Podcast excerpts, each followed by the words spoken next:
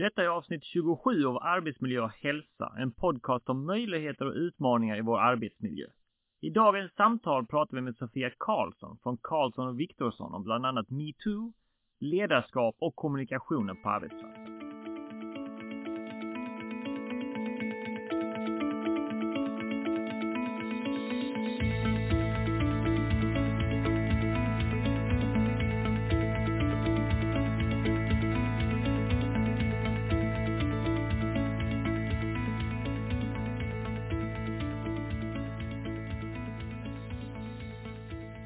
Alla lyssnare! Andreas här och välkommen till Arbetsmiljö och hälsa. Om det här är första gången ni lyssnar, så tack för att du testar något nytt och väljer mig. Den här podcasten publicerar avsnitt varje tisdag och show notes finns på arbetsmiljöhälsa.nu. Lägg gärna till podcasten till dina favoriter och du kan också följa mig på Facebook. Bara sök efter arbetsmiljöhälsa.nu. Vår gäst idag är Sofia Karlsson, förändringskonsulten från Karlsson och Viktorsson som ett fantastiskt driv, stora kunskaper och alltid nära till skratt förbättrar våra arbetsplatser. Då sitter jag här med Sofia Karlsson, en av mina idoler från back in the day. Och då är ju frågan, vem är Sofia och vad har hon för bakgrund? Tack för det Andreas. Det, var, det är ju fint att jag har lämnat det efter mig. Att jag har ändå varit din chef ett litet, litet tag när vi jobbade på IGT-rörelsen. Där har jag varit kommunikationschef. Och tidigare så har jag också varit chef på Sveriges Förenade Studentkårer. Och nu driver jag sedan ja, snart tre år tillbaka, eller fyra till och med, eh, en byrå som heter Karlsson Viktorsson tillsammans med min kollega Per. Och vi jobbar jättemycket med ledarskap och chefskap kopplat till både arbetsmiljö och likabehandling och normkritiskt och mångfaldsarbete. Och där är jag både ute och föreläser en hel del eh, och sen går jag också in och hjälper organisationer mellan chefsbyte och eh, upprätthåller chefskapet i form av interimschefsuppdrag eh, bland annat. Så att jag är ganska, ganska bred i min konsultroll och det är väldigt, väldigt roligt. Och sen tidigt, sen längre tid tillbaka så har jag min bakgrund i civilsamhället och är studentpolitiker från tiden när jag var eh, läste på universitetet och har också bildat ett feministiskt parti, eller varit med och bildat ett feministiskt parti, FI, när det begav sig 2006. Det är jag väldigt stolt över också. Ja, de uh, står ju och knackar på dörren uh, till riksdagen, så där tycker man ju att det kan ju verkligen hända någonting där i år. Precis, nu är inte jag med den linjen, men det, det kommer ju, det, jag följer dem stolt yeah. på avstånd. Precis. Du jobbar mycket med ledarskap och chefskapet. Och vad är din, vad är din blick på ledarskap? Vad är ledarskap? Vad, vad är bra ledarskap för dig? Jag tycker, eh, det varje, varje dag nästan, höll jag på att säga. Men det jag, det jag landar i, ofta bland annat, det är ju eh, att det finns liksom inte ett ledarskap att vara. Det finns liksom ingen en mall eller en kostym man kan ta på sig, utan att det är så himla mycket sammanhang och vilka andra människor man är med.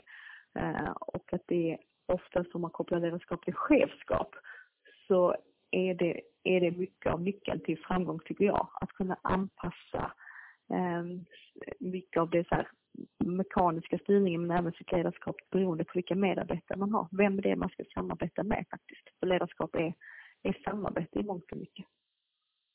Det är ju helt Annat. klart. Va? Mm, och just den här gränsen chefskap, ledarskap är ju någonting som väldigt många missar. Alltså det har varit situationer där jag tycker mig själv att jag har varit chef och sedan samarbetat väl med någon medarbetare som haft mer ledaregenskaper tills jag har vuxit in i rollen. Att man även lär sig liksom, att man även vågar lära sig från de man ska chefa över eller leda så att säga. Va? Att utvecklas mm. i sin roll. Det tror jag också är ganska viktigt liksom för att det är som du säger, det handlar om samarbete, det handlar om människor. Och Precis. Många, många, alltså även om du jobbar på en, ja, nästan oavsett vad du jobbar, om du jobbar på en advokatbyrå eller en transportföretag eller och du har någon typ av ledarbefattning så är det ju faktiskt i människobranschen först och främst. Sen är det några punkter som jag lär mig om och om igen och som är liksom det som oftast skiljer från när det blir bra och när det blir mindre bra. Det är så här, det är transparens och information och kommunikation, att man är, försöker vara så tydlig som möjligt med vad som gäller eller inte gäller eller om man inte har information till, till mig. Eh, och det andra är återkoppling. Eh, att man hela tiden återkopplar på både enskilda medarbetare men också gruppen eller arbetsprocesser eller projektplaner. Så att många gånger, eller nästan alltid, så blir det aldrig riktigt som man har tänkt sig. Eh, och som chef har man ibland så ett övertag i informationsbitar fast man kanske inte har hela bilden för det sitter liksom ens medarbetare på. Det är så här, stämma av och återkoppla, både som chef men också att medarbetare gör det tillbaka. Så att man, eh, det man sa på ett personalmöte för en månad sedan kanske inte gäller för att saker och ting har hänt. Mm. Eh, men när jag i situationer när det blir mindre lyckat så är det när jag faktiskt har missat återkopplingen. Och, det, och när det blir riktigt bra så är det liksom när jag får in det som en, en tydlig och bra ja, men rutin av, av de här mekanismerna som man kan ha med, när man pratar chefskap. Vad är det man behöver göra, liksom, upprätthålla? Ja, precis. Och det är ju rutinerna som driver det framåt, liksom. Att man har samma, samma arbetssätt konkret. Ja, det är återko liksom. återkopplingen. Liksom. Vad är det som händer här och så återkoppling och utvärdering. Ja, precis. Och ha roligt. Det är också väldigt viktigt. Ja, det finns ju en del jobb som är livsviktiga, men de flesta av oss jobbar ju kanske där det är, där det är viktigt och meningsfullt det vi gör, men där det också är så här, vi andas, vi människor. Och att man också kan, eh, måste komma ihåg att ha roligt. Har man inte roligt på jobbet så är det något som är fel.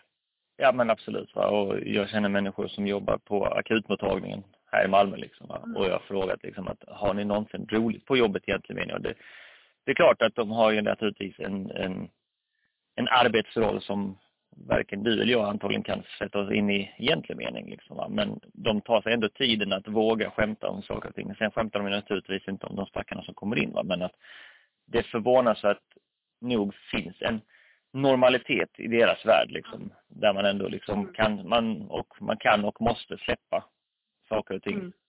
och bearbeta på olika sätt så att säga. Va? Precis. Ja, humor som, som läkande är ju en, en, ett annat, ett annat, en annan viktig sak eller som man kan använda. Precis. Va? Och senast idag läste jag i Metro liksom att någon forskning faktiskt som blev klar, jag tror det var finsk forskning eller engelsk forskning som visar på att, att skratt faktiskt eh, alltså bevisligen vetenskapligt leder till ett längre liv och att man mår bra och så mm. vidare. Så det är som du säger, bara skratta mera helt enkelt. Blir det lite bättre i alla fall. Lite bättre. Skratta åt eländet eller skratta när det är bra, skratta när det är dåligt. Ja, precis. Du nämnde ett ord som jag eh, har lite dubbla känslor inför, och det är ordet transparens.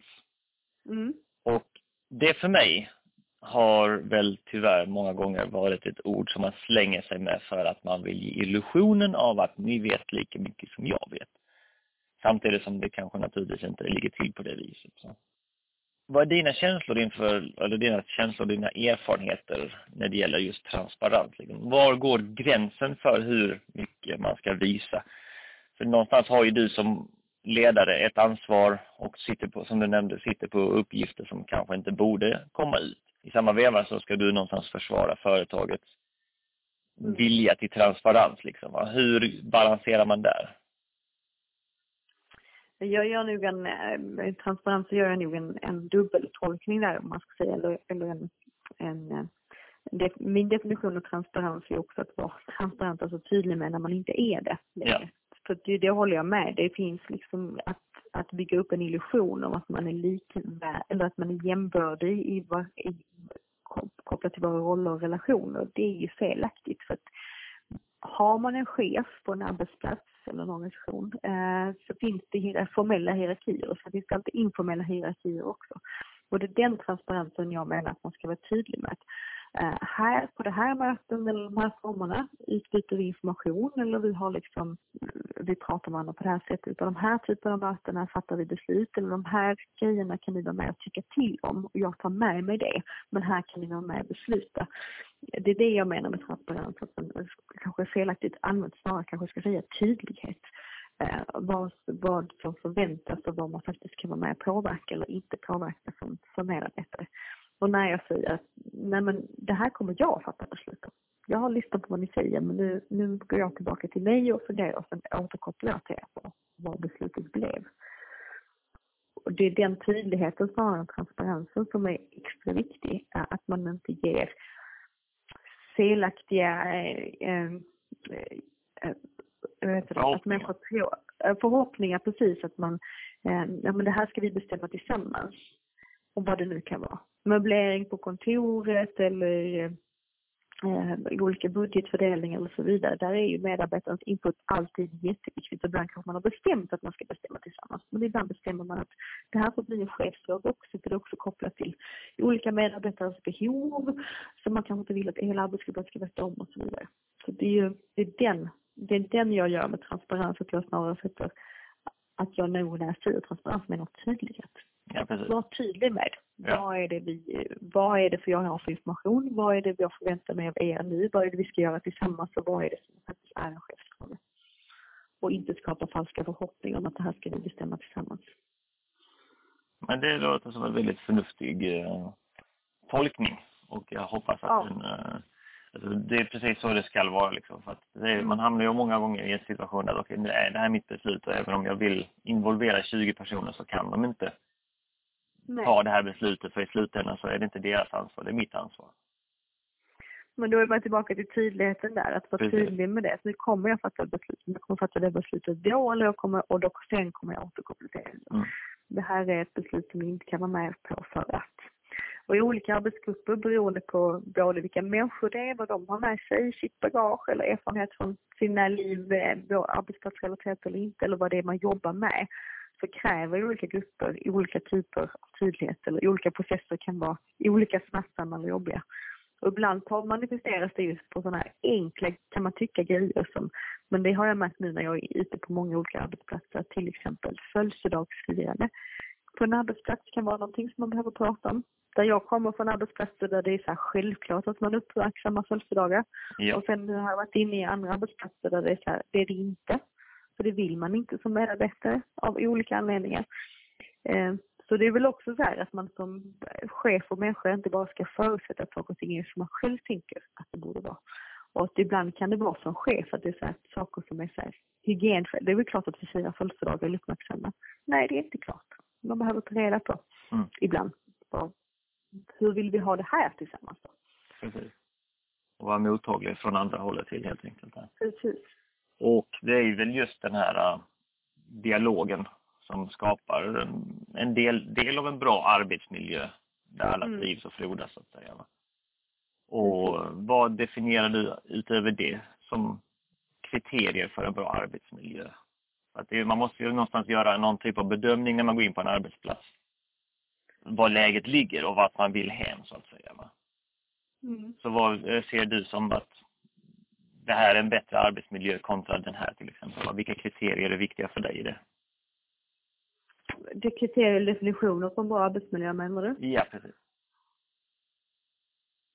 det, det är ju två delar egentligen. Dels är det ju så här den fysiska arbetsmiljön, att man, att man kan jobba utan att få ont. Ja. Eh, eller, att det, eller bli stressad liksom av yttre faktorer. Att man kan sitta bra eller stå bra, ha möte bra eller beroende på vilken typ av, av jobb det är. Um, och, men sen också att det är um, finns en tydlighet på både rutiner och, och sätt att vara som man förstår både som ny och gammal på, på arbetet eh, tänker jag också definiera en bra arbetsmiljö.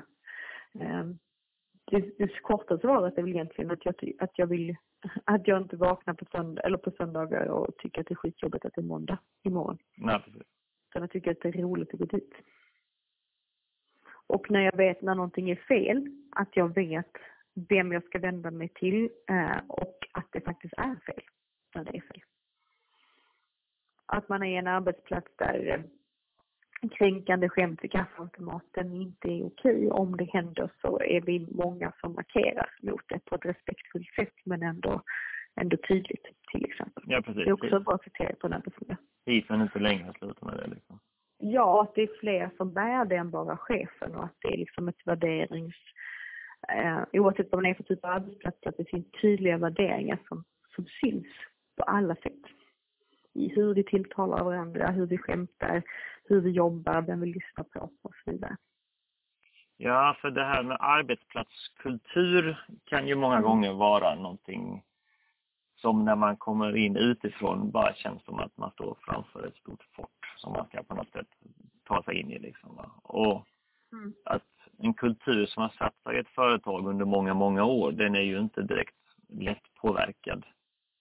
Nej. Jag tänker på när jag var gick i högstadiet och praktiserade på ett svett, en, en, en svetsfirma. Liksom, dialogen och hur den kulturen var med massa manliga män och alla de grejer man fick höra om det ena och det andra. Liksom, va? Kontra mm.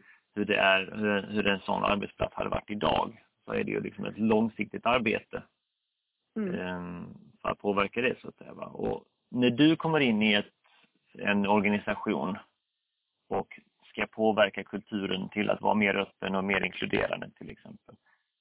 Hur går du tillväga för att få med dig medarbetarna då så att säga? Hur får du med dig dem i kulturförändringen om man säger så? Det beror på vilken roll jag har, om jag är inne som kortvarig konsult eller på via punktinsatser eller om jag kan faktiskt leda en grupp på olika sätt. Men, men, så det är lite olika sätt man jobbar men, men utgångspunkten är alltid en själv. Mm. Eh, förändring är ju, kan ju egentligen bara drivas utifrån en själv. Det är svårt att få andra människor att förändra sig. Ehm, och då handlar det snarare att då som chef eller som annan medarbetare eller konsult eller vilken roll man har, att eh, ge människor verktyg eller upplevelser eller kunskap att, att få syn på sig själv hur man agerar i olika situationer, att vi befinner oss i ett samhälle som kanske inte, som inte alltid är jämlikt och vad det spelar för roll för vår arbetsplats eller vilka normer man har eller inte. Eh, och vad gör jag? När är, när är jag en del av det här normen som jag inte ser och när, när bryter jag faktiskt mot den? När känns det, när jag är en av dem som, som inte tillhör den stora normgruppen och så vidare, och vad betyder det? Hur kan jag, hur kan jag hjälpa till och bidra till att alla ska trivas och kunna vara sig själva här? Ehm, så det är ju liksom genom att, att ge andra, fler människor möjlighet och tid att tänka och reflektera över sina egna roller. Och då kan det vara alltifrån så här, hur skämtar jag då? Varför är inte det så himla bra att skämta på det här sättet? Eller vad gör jag som faktiskt är fantastiskt bra som fler borde göra? Ehm, till exempel. Ja, för någonting som jag kan tycka det många gånger slarvas bort med. Det är just det här liksom medarbetaransvaret, att man har liksom mm. ett ansvar att vara en god medarbetare och det innebär att mm. vissa saker säger man inte. Oavsett vad man tycker personligen. Liksom, mm. Och ja, det här, många pratat om den här diskussionen över kaffet på jobbet. Liksom, Att det har jag läst en del exempel på att det många gånger blivit mer eller mindre en frizon. Att man får mm. säga vad man vill och det får du ta för att så tycker jag. Vilket, mm. Alltså just det här att man, man glömmer att vara en bra medarbetare och vara en bra kollega. Ja, och att det många gånger är liksom, ja precis, en bra medmänniska är liksom en bra, en bra kollega, en bra medmänniska liksom, som vågar se till någonting större så att säga. Och det är det som jag någonstans kan känna när, när jag har varit inblandad i olika typer av kulturkrockar på jobbet. Liksom, att det är där man många gånger brister, att man liksom inte ser sitt eget man, ser, man har inga problem att se sina egna rättigheter. Men att se sina egna, sina egna skyldigheter, det är en helt annan sak så att säga. Va? Ja, och också på syn på en bra, en bra så här regel eller sägning tycker jag är liksom att alla finns i rummet. Mm. Ehm, den används ibland vid vissa typer av utbildningar. Men det menas att um, alla vi pratar om, det finns inte några andra, utan vi alla är i rummet. Mm. Och då betyder det till exempel om man har en så här, hård jargong som är lite härlig för det mesta, men det kanske också är så här bögskämt på ett sätt som faktiskt inte är härligt, vilket bögskämt oftast inte är.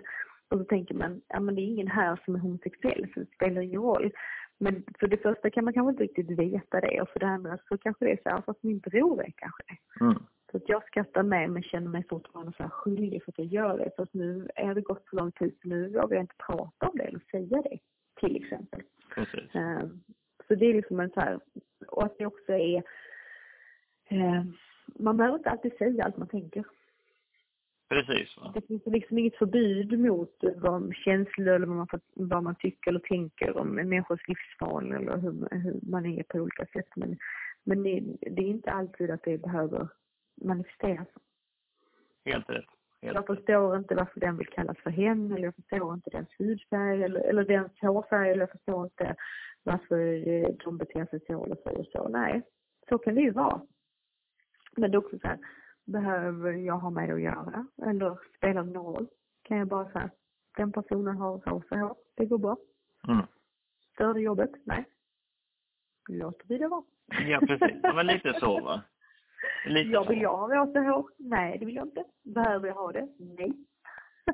Det är nästan som man skulle göra en sån här nedladdningsbar eh, checklista liksom. Hur, hur kränkt ska jag vara på jobbet? Och sen så utifrån det liksom kan man liksom, ja. nej, idag struntar vi i detta liksom.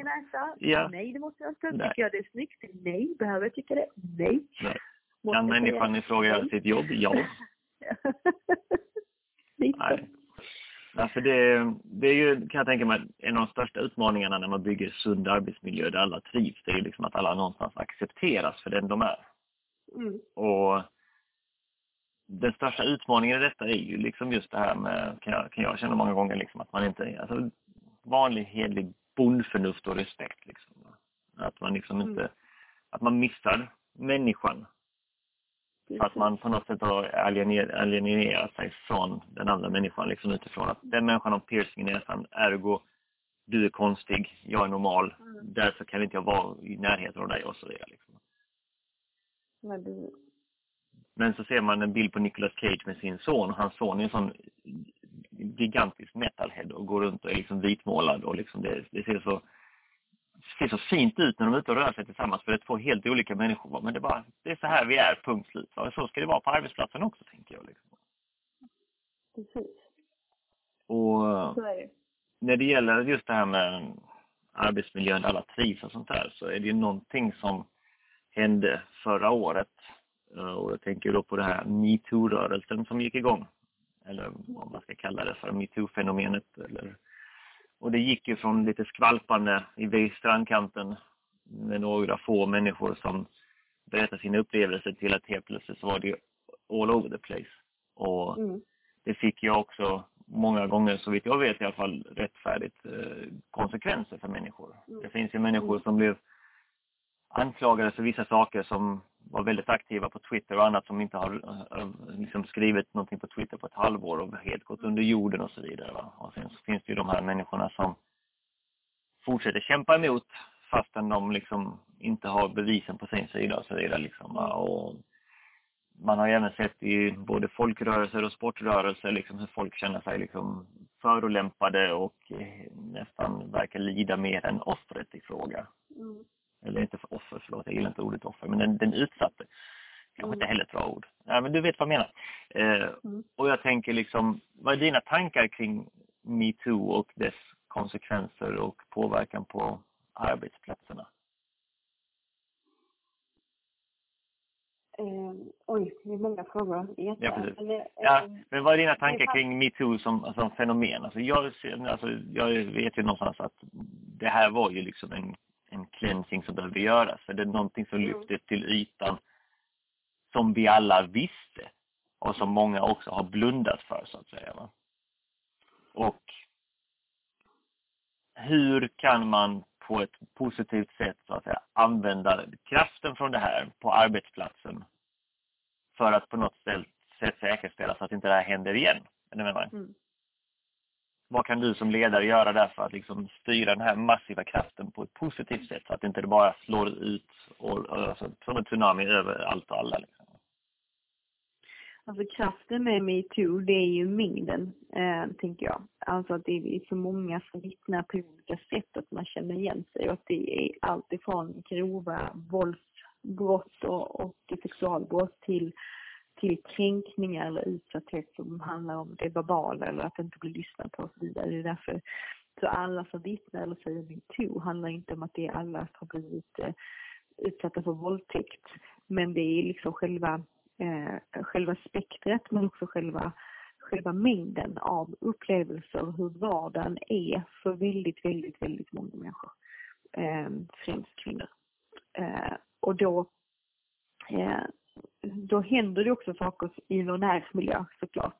Det jag märker när jag är ute på arbetsplatser det är ju att eh, tolkningen av det här blir så fundamentalt olika beroende på vem man är. Mm. Eh, det var en chef som uttryckte det som jag tyckte var väldigt bra. Det är att eh, det är en grupp, det vill säga de som känner att de har varit utsatta eller haft en arbetsmiljö som har varit jävligt jobbig och blivit lyssnad på. Att det ibland har varit så här tafsningar på personalfester för hela att nu äntligen så finns det liksom chans till både upprättelse och att liksom skapa en bättre arbetsmiljö. Den gruppen blir ju så här, både så här frustrerad över att inget har gjorts tidigare men också så här pepp på att nu äntligen blir det förändring. Och så har man en annan grupp som är alltifrån de som kanske har eh, då varit de som har skämtat eh, på ett dåligt sätt eller tafsat eller annat men också framförallt den tysta majoriteten av framförallt då män som inte fattar.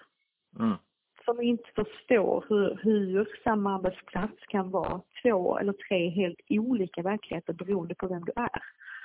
Um, och är liksom förvirrade och vill liksom hjälpa till och ställa till rätta men förstår inte riktigt hur. Och den krocken däremellan kan också bli att, att eh, de kvinnor som är, tycker så äntligen kan också bli så förbannade. Vadå vi inte visste? Hur kunde ni inte veta? Alla visste ju. Mm. Eh, och andra bara, vadå, ni har inte sagt någonting innan. Hur, hur, vad skulle jag ha vetat för någonting? Så det skapar ju både förvirring och frustration men också någon form av så här, hur kan vi liksom ta nytta av det här? Och som arbetsgivarchef så tänker jag att man inte ska, man ska liksom inte backa. Det finns en hel del arbetsplatser som gör på ett väldigt föredömligt sätt tycker jag. Att man, man har sina egna metoo-uppror eller berättelser internt för att samla in bilden ser ut. Hur är det hos oss då? Och utifrån det forma, vad behöver vi göra här då för att göra det bättre? Eh, men också, eh, och här är det väl det som blir balansgången utifrån som chef, att ha förståelse för dem som faktiskt inte förstår. Mm. Eller inte har förstått ännu. Eh, och att den förvirringen får man vara lite ödmjuk inför. Inte så att man inte ska diskutera frågorna men, men vara har en förståelse över att vi har liksom olika bilder av hur, hur saker och ting är på arbetsplatsen därför att våra verkligheter har sett så himla olika ut.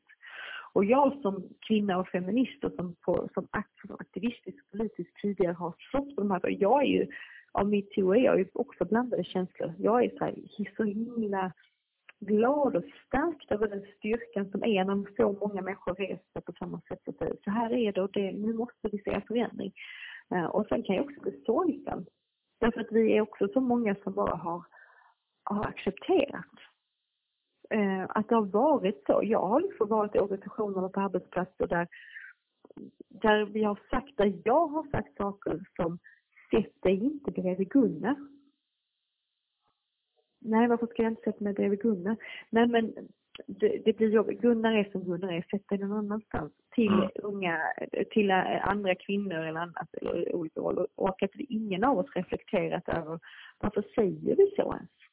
Och Gunnar har kunnat härja loss på ett sätt som egentligen inte är okej. Ja, precis. Ja eller att vi har gjort det till individproblematik eller och generationsproblematik. Att ja, men det är för att han inte riktigt förstår, han är den gamla skolan, han menar inget illa.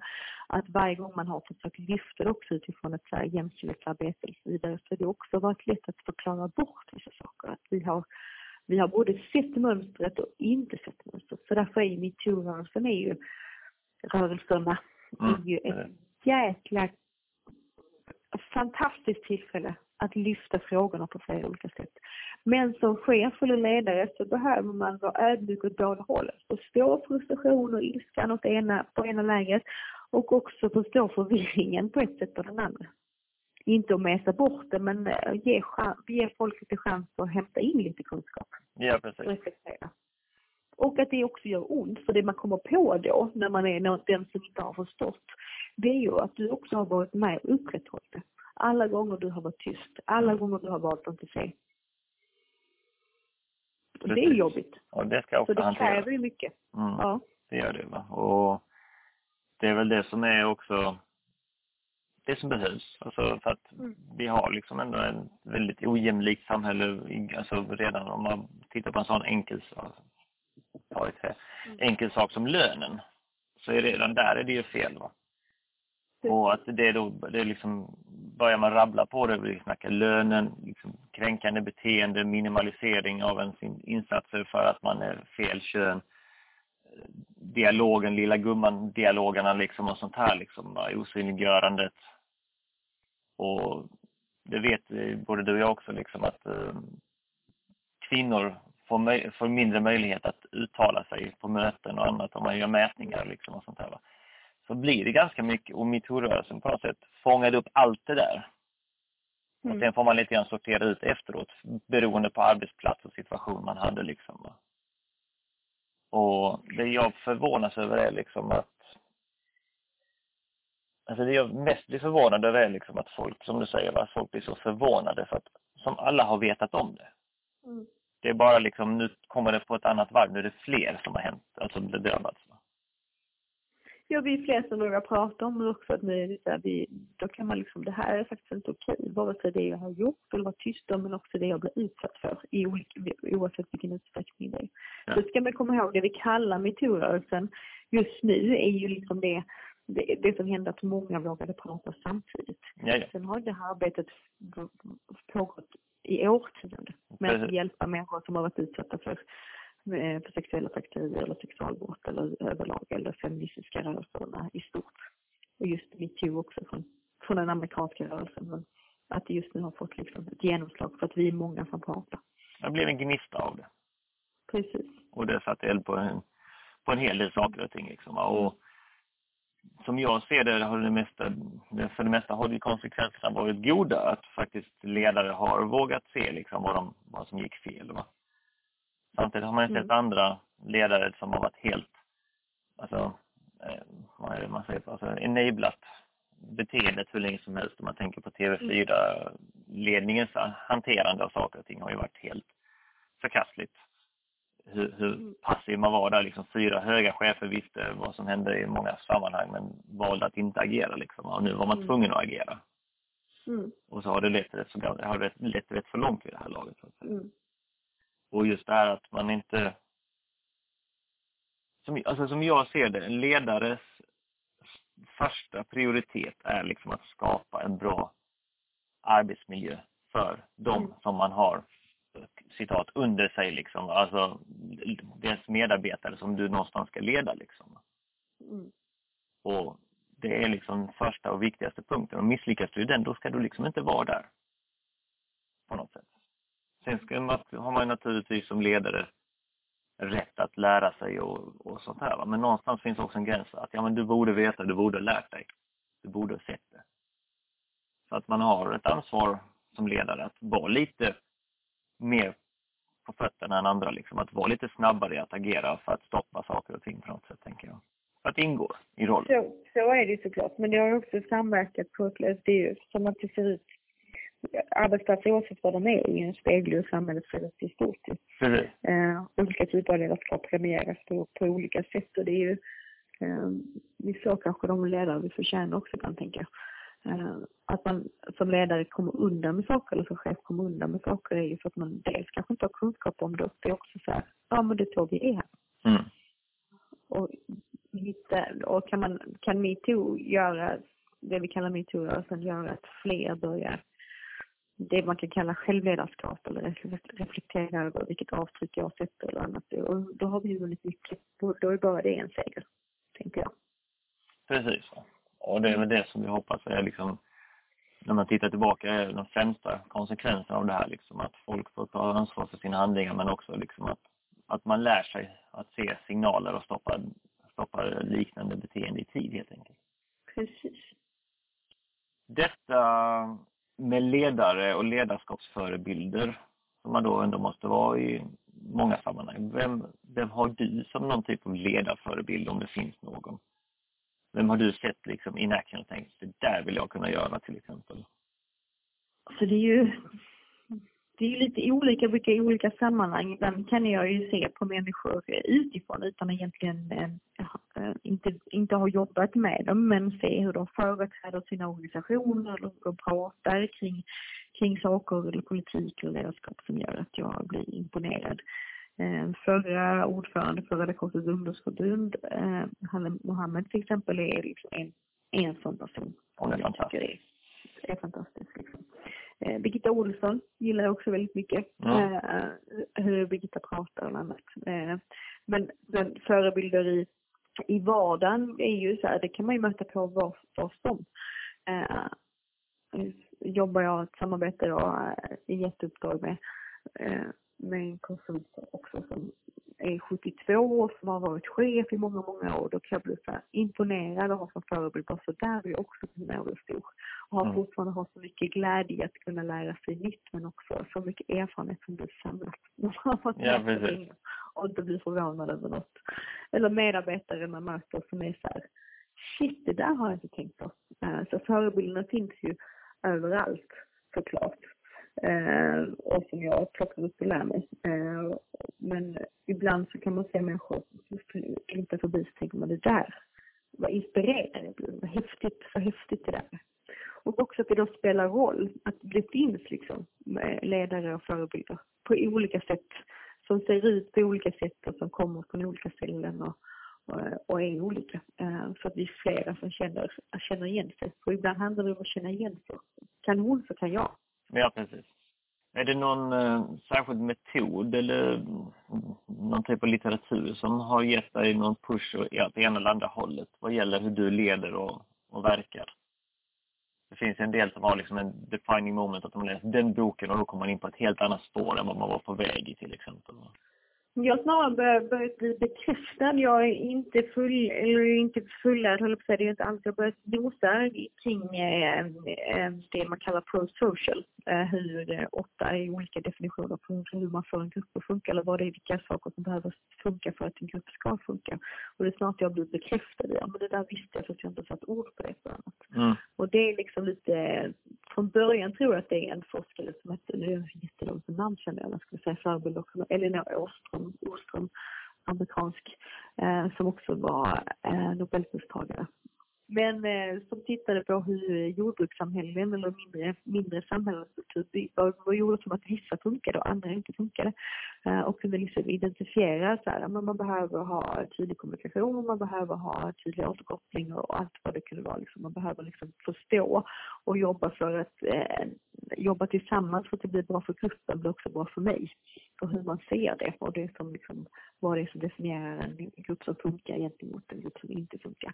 Och hennes teori om att kunna lyfta in och också applicera på arbetsplatser eller delar av grupper och så vidare. Just det, de här sakerna måste, de här principerna, funkar inte de så blir det liksom inte bra. Och där finns det en, eh, tror jag, en nyutgiven bok där bland annat Frida Johansson Metso som eh, skriver eh, utifrån psykologiskt perspektiv som ligger på mitt nattduksbord. Det är mycket böcker som ligger på mitt nattduksbord. Ja. så det är med pro-social-tänket eh, och det finns en del ledarskapsutbildningar och annat som är kopplat till det. Där är jag inne och nördar ner mig just nu. Elinor Ostrom, hon fick eh, faktiskt Nobels fredspris i ekonomi, om jag inte missminner mig. Inte fredspris. Nobels Nej, Nobels. Eh, ja. Nobelpris. Hon fick Sveriges riksbanks pris i ekonomisk vetenskap till Alfred Nobels minne. Du ser. Säg det fem gånger i rad. Mm. Uh, hon har precis som säger skrivit ja, precis, en bok om som heter Governing the Commons, The Evolution of Institutions for Collective Action. Vilket låter mycket som den boken du nämnde där. Precis. Så den ska vi länka till, tänker jag.